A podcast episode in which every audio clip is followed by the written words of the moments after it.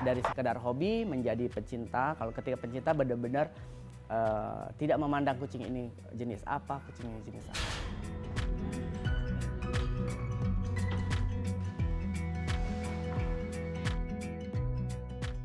Tidak semua orang suka kucing. Kita tidak bisa memaksakan orang kita suka kucing terus kita harus memaksakan orang semua suka kucing. Kita tidak boleh egois, kita tidak boleh uh, menyamaratakan tentang apa yang kita suka kepada orang lain. Tapi kita bisa memberikan informasi, memberikan uh, edukasi. Walaupun mereka tidak menyukai, tapi setidaknya mereka tidak boleh menyakiti.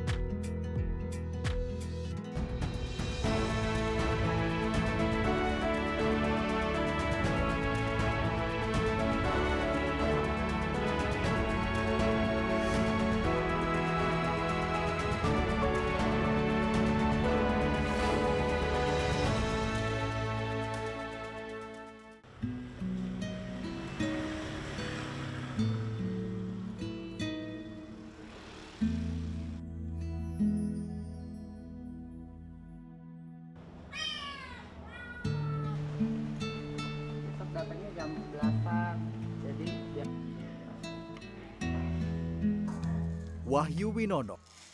Setiap hari menghabiskan waktunya bersama ratusan kucing dan puluhan ekor anjing di shelter. Sejak kecil, ia dan keluarga memang menyukai dan memelihara hewan di kampung halamannya di Makassar, Sulawesi Selatan. Lulus pendidikan SMA, pria yang akrab disapa Bim Bim ini memutuskan untuk pindah dan bekerja di Jakarta sebagai marketing di sebuah event organizer pada 2010. Profesinya sebagai marketing jugalah yang mempertemukannya dengan teman-teman yang saat itu rutin menolong dan menampung kucing-kucing terlantar. Banyaknya kucing jalanan yang tak bernasib baik menggerakkan hati Bim Bim untuk turut mendedikasikan diri menjadi rescuer kucing terlantar di tahun 2016.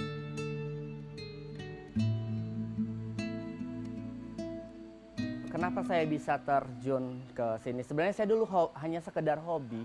Saya tuh hanya hobi memelihara, terus rawat sakit. Oke, saya bawa pulang.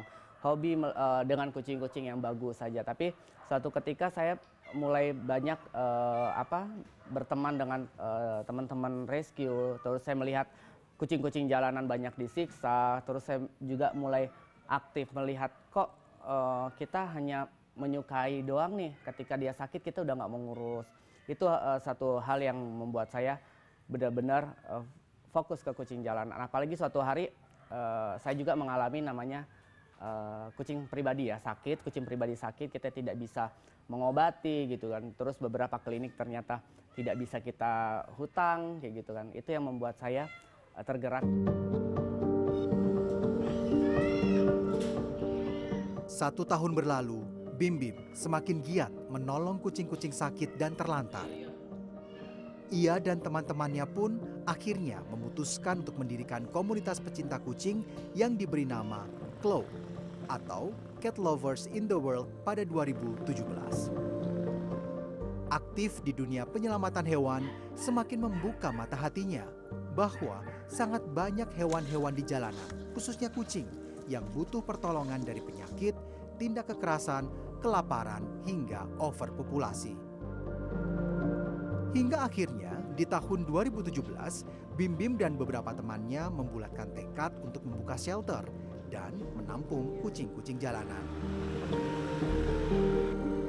Di lahan seluas 1,3 hektar inilah ia menyediakan tempat tinggal yang cukup layak untuk hewan-hewan sakit dan terlantar. Ia menamai shelter ini Rumah Singgah Klo Meskipun berfokus untuk menampung kucing, Bim Bim tak pernah tega menolak hewan lain seperti anjing atau primata yang menjadi korban kerasnya hidup di jalanan. Uh, kita fokus ke kucing. Memang kita shelter kita ini utamain kucing, tapi banyak orang yang tidak tahu uh, bahwa kita juga punya anjing banyak di sini kita fokus uh, ke kucing tapi kalau ada kasus darurat seperti anjing kurus, semursian sakit, ketabrak, kita tetap tolong. Terus ada monyet juga, uh, monyet-monyet ini hasil dari uh, topeng monyet yang disiksa kita uh, relokasi kita ambil tapi kita keterbatasan kalau untuk primata karena uh, pengelolaannya tempatnya pun berbeda.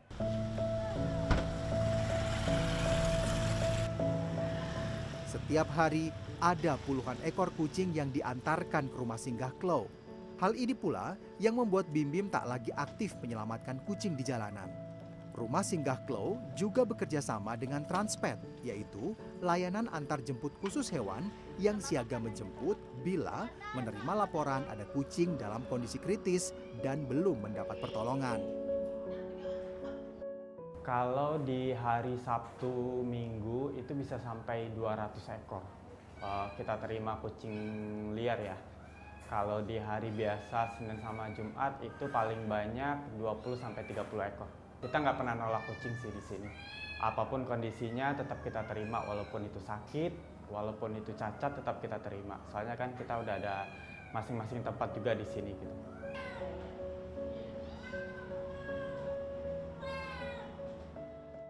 Jarang ada isak tangis perpisahan dari orang-orang yang mengantarkan kucing ke rumah singgah klau. Memang, pada prinsipnya, rumah singgah klau tidak menerima kucing peliharaan seperti yang tertulis di spanduk depan rumah.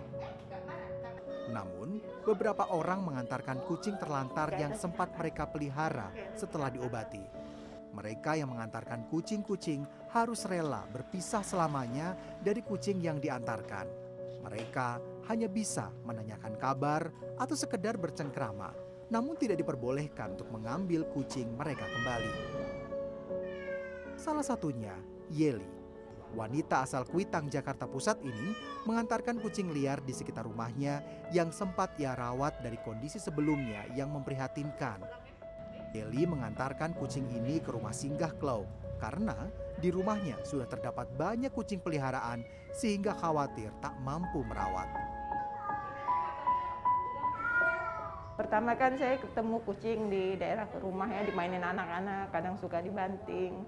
Ya penting sedih deh ngelihatnya gitu, terus sering datang ke rumah, saya kasih makan dari yang tadi belekan, matanya ketutup, ya penting penyakitan gitu, cacingan. Saya rawat, saya rawat, cuman kondisi di rumah kan nggak memungkinkan untuk miara kucing banyak. Ya jadi saya bawa ke sini.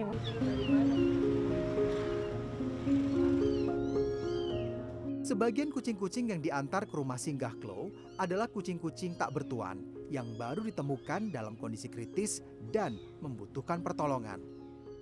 Kucing-kucing ini nantinya akan ditangani langsung oleh dokter hewan.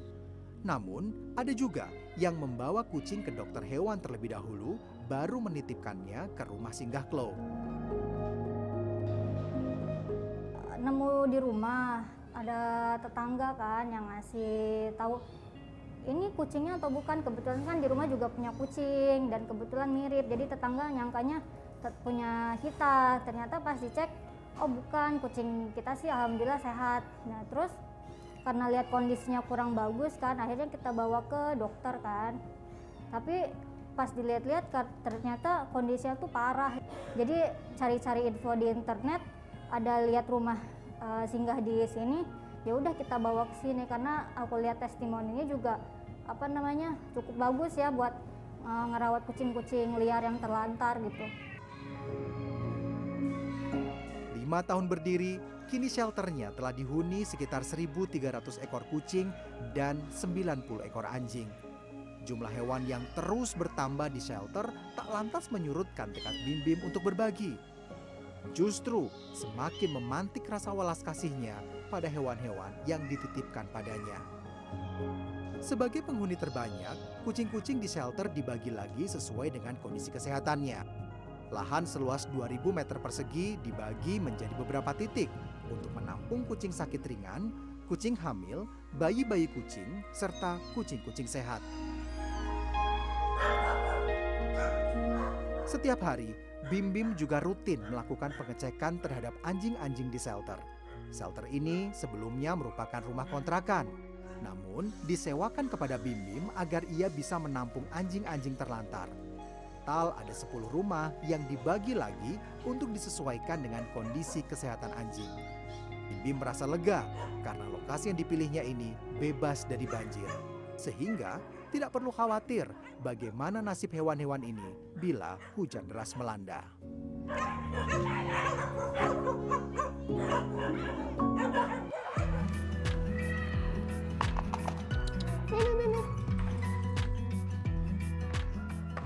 Jadi kalau untuk kucing kita 60 kilo makanan kering, eh, kepala ayam kita siapkan 30 sampai 40 kilo. Itu setiap hari kita belanja.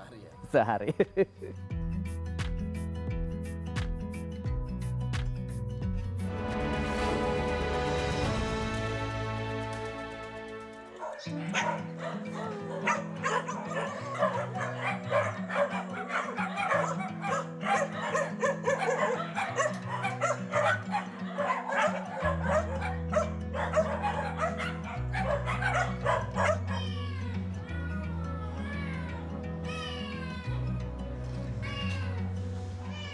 Setiap harinya, kucing-kucing yang ada di rumah singgah Klau menghabiskan makanan sebanyak 60 kg atau tiga kemasan besar makanan kucing kering dan 40 kg kepala ayam. Atau dengan kata lain, kebutuhan pakan kucing di shelter ini hampir mencapai 2 ton setiap bulannya. Belum termasuk pakan anjing yang juga diberikan kepala ayam dan nasi. Dan juga pakan monyet berupa buah-buahan yang mencapai hampir 10 kg setiap harinya.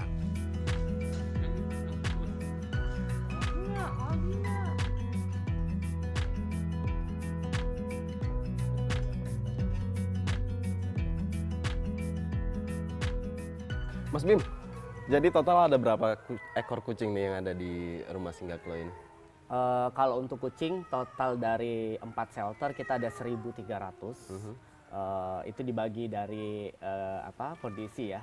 Ada yang kondisi kucing hamil, eh, anak kucing itu dipisah. Terus kondisi kucing yang tidak mau makan itu juga kita pisah. Jadi di sini kalau di yang sekarang ini aja kita ada 700, yang 700. tempat ini ya. Ya, Dari 700 itu Mas Bim hafal semua tuh nama-namanya. Enggak, ada beberapa yang saya panggil eh, apa Oyen, terus eh, cantik gitu kan. Tergantung oh ini yang mirip nih kucing saya yang di rumah kayak gini.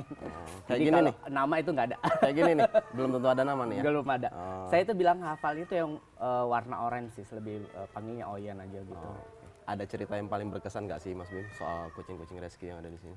Kalau cerita sih sebenarnya untuk kasus kucing rescue ya, kucing rescue itu paling banyak yang dipotong mungkin kakinya ya. Kaki sampai dipotong? Kakinya dipotong itu kita masih hidup sampai sekarang kucingnya. Eh, itu ada di rumah disabilitas eh, gitu. Kakinya tinggal dua eh, dipotong itu di Cikarang waktu itu Hmm. ditemuin. gitu. Ini habis ngasih makan nih. Mm. Sehari bisa habis berapa tuh Mas Bim? Kalau ngasih makan eh, makanan kering doang ya. Makanan kering itu kita butuh satu hari 60 kilo. Tiga sak eh, yang ukuran besar. Satu hari. satu hari. Terus 60 kita kilo. selingin dengan kepala ayam 30 sampai 40 kilo satu hari juga. Itu buat kucing aja atau sama, udah sama anjing juga tuh? kalau untuk kepala ayam eh, dibagi dua. Gitu. dibagi Ah, dua. Bagi dua eh, di kucing sama anjing. Tapi kalau untuk makanan kering itu hanya kucing doang. Oh. Karena anjing kita pakai makan nasi dia. oh, jadi ada yang makanan keringnya aja, iya ada betul. makanan Jadi kalau aja. untuk kucing kita 60 kilo makanan kering, eh, kepala ayam kita siapkan 30 sampai 40 kilo. Itu setiap hari kita belanja. sampai kapan Mas Bim? Kira-kira masih bakal mendedikasikan waktu buat anabul-anabul ini? Kalau dibilang sampai kapan, mungkin eh, sampai eh, ini ya, sampai apa ya? kita kita nggak tahu umur ya. tahu ya. Kita nggak tahu umur, kita nggak tahu rezeki. Kalau kita masih diberikan kesehatan, kita masih diberikan rezeki, eh, insya Allah kita akan terus, terus, terus dan terus menolong. Kita tidak akan berhenti karena kalau sudah terjun seperti ini, untuk berhenti itu sangat susah. Nah, selesai. Dalam artian susah, kita harus juga eh, mengembangkan. Karena kalau sudah tidak mampu, mending stop. Hmm. Tidak mampu dalam artian kita tidak sudah tidak sanggup memberi mereka makan. Kita sudah tidak sanggup untuk memberikan tempat yang lebih baik. Stop untuk rescue. Tapi kalau saya ditanya sampai kapan, saya akan terus eh, memperjuangkan mereka selama saya masih diberikan kesehatan, selama saya masih diberikan eh, rezeki.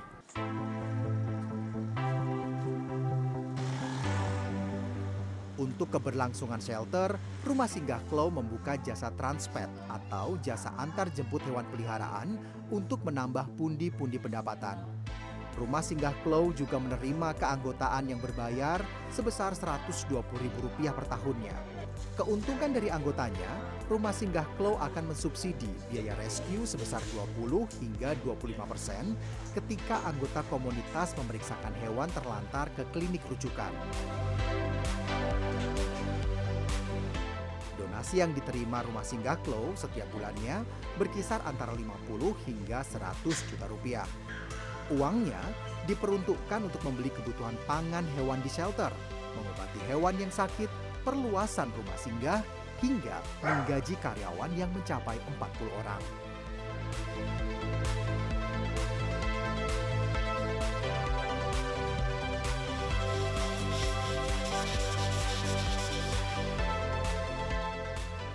Selain itu, bagi orang yang mengantarkan kucing ke rumah singgah Klo juga dipungut biaya sebesar Rp100.000 yang mana uangnya diperuntukkan untuk perawatan dan kebutuhan kucing di awal masa karantinanya.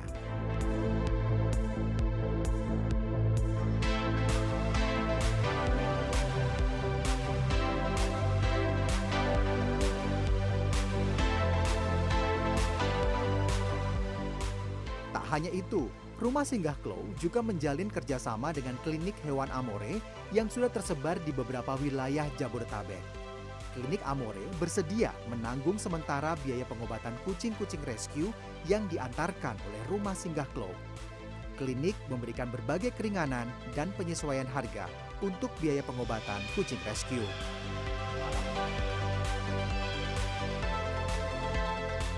Klinik itu nggak akan pernah bisa, maksudnya tidak bisa menjadi besar kalau kita tidak ada eh, shelter atau tidak ada eh, kayak rumah singgah ya seperti itu atau komunitas yang kita dukung. Begitu juga dengan sebaliknya. Rumah eh, komunitas tidak akan pernah bisa besar atau ini banyak jika tidak ada eh, klinik yang mendukungnya, mensupportnya. Kita itu kadang-kadang gini mas, kita juga dari klinik, kita kan rescuer juga kita merescue kucing-kucing jalanan, kucing ketabrak kereta api, apa segala macam. Kita di sini ikhtiar untuk menyembuhkan mereka. Nah pada saat mereka sudah sembuh, ini anak mau pulang ke mana? Gak mungkin kita bisa tampung terus di sini. Atau misalnya saya secara pribadi bawa pulang, dokter bawa pulang, nggak bisa. Karena kita juga harus menolong hewan-hewan yang terlantar. Nah itulah kenapa Amore ada rumah singgah klo.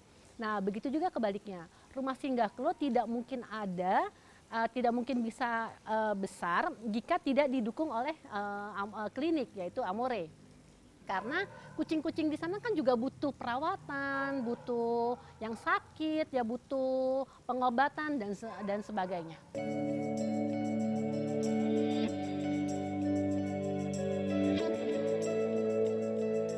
Tak sedikit kucing dengan kondisi kritis yang dibawa ke klinik Amore untuk segera mendapatkan pertolongan medis. Kasus kecelakaan ya. Jadi memang tabrak lari, memang orang menemukannya dengan kondisi udah parah, memang nggak ditolong kayak gitu ya.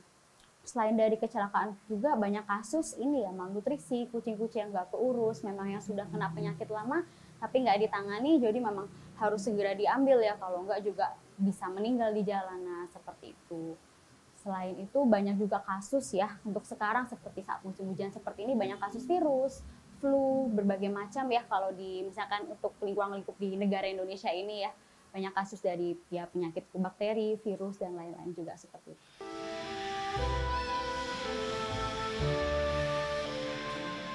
Di luar shelter, ada puluhan, bahkan ratusan kucing hasil rescue yang dirawat di klinik. Nasibnya akan ditentukan setelah masa perawatannya selesai. Seusai si kucing sembuh, ia akan kembali ke rumah singgah untuk hidup bersama kucing terlantar lain atau menunggu waktu hingga mereka diadopsi oleh orang lain.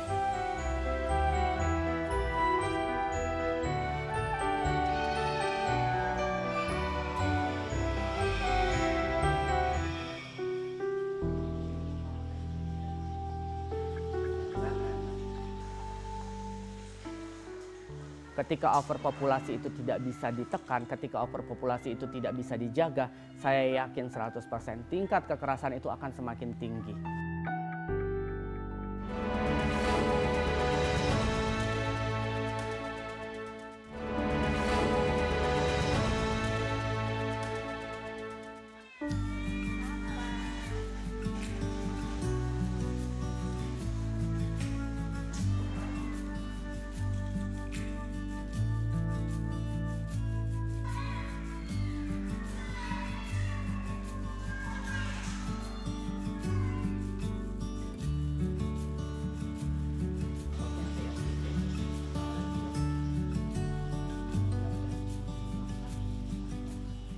Bagi keluarga, Bim Bim dikenal sebagai sosok penyayang kucing sejak ia masih kecil. Bim Bim kecil memelihara sekitar tiga ekor kucing. Namun sekarang, Bim Bim harus mengurus keberlangsungan lebih dari seribu ekor kucing di rumah singgahnya. Iya Mas Bimbi memang udah suka kucing dari awal, dari kecil. Dia udah melihara satu sampai dengan tiga kucing sih. Di mata keluarga, eh, Mas Bimim ini seperti apa orangnya? Sebesar apa eh, kepeduliannya terhadap hewan? Hmm, besar banget ya. Jangankan sama kucing, sama, eh, jangankan sama orang, sama kucing aja dia sering menolong. Kayak misalkan kita lagi pergi nih, eh, terus ada kucing di pinggir jalan atau kayak terjebak gitu, dia langsung turun, langsung nolong sendiri tanpa harus nyuruh orang gitu.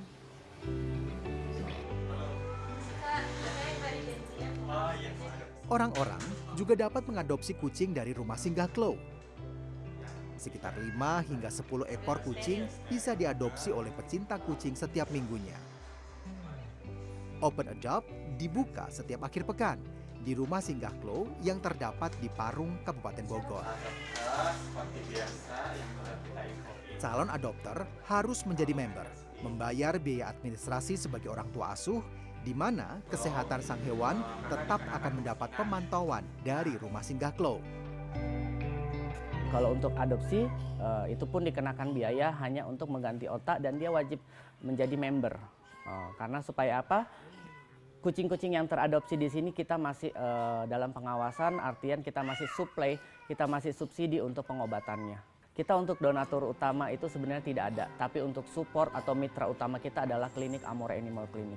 Karena eh, dari mitra itulah kita bisa membantu banyak banget kucing. Kalau untuk dibilang donatur tetap kita tidak punya donatur tetap untuk kucing ya.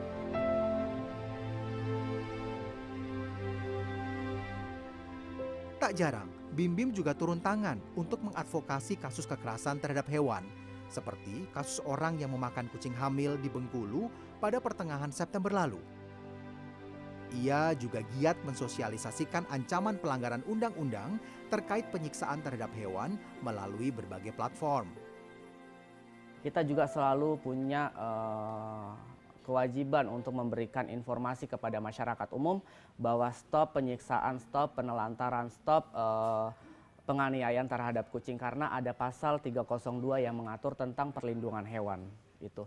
Itu yang kita program eh, ke depan agar masyarakat umum lebih paham lagi tentang hal-hal yang mana yang tidak bisa dilakukan untuk eh, kita berbicara di sini masalah kucing ya. Kalau di sini saya fokus masalah kucing penyiksaan terhadap kucing pun bisa diproses secara hukum. Ada undang-undangnya. ya dengan segala macam eh, sifat Menurut dokter hewan sekaligus animal communicator Rajanti, hewan khususnya peliharaan yang berinteraksi dengan manusia memiliki karakternya masing-masing, tak terbatas oleh jenis ataupun ras tertentu. kayaknya si Grey lebih happy di sini Secara kejiwaan, hewan juga dapat memiliki perasaan seperti takut ataupun trauma.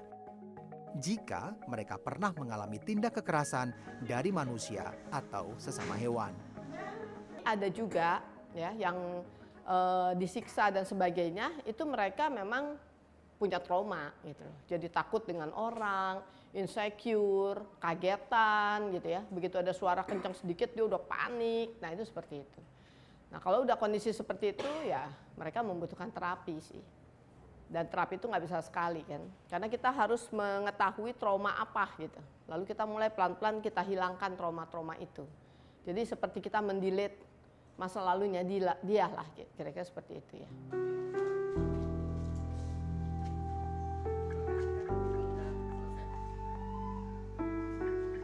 Sedikit pula, kucing-kucing di rumah singgah ini harus mati karena sakit. Atau memang sudah lanjut usia.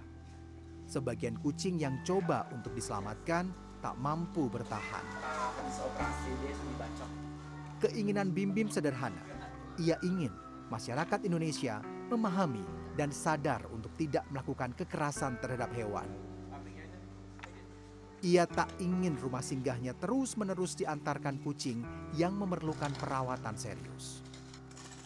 Cuman saya hanya pengen satu, eh, saya tuh eh, teman-teman mulai sadar dalam artian eh, pentingnya eh, steril, pentingnya eh, menekan overpopulasi karena ketika overpopulasi itu tidak bisa ditekan, ketika overpopulasi itu tidak bisa dijaga, saya yakin 100% tingkat kekerasan itu akan semakin tinggi.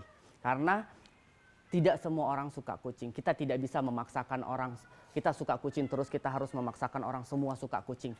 Tapi orang yang tidak suka kucing ketika dia melihat tidak ada overpopulasi, tingkat kekerasan itu juga pasti berkurang. Gitu. Karena kita tidak boleh egois, kita tidak boleh uh, menyamaratakan tentang apa yang kita suka kepada orang lain, tapi kita bisa memberikan informasi, memberikan uh, edukasi walaupun mereka tidak menyukai tapi setidaknya mereka tidak boleh menyakiti.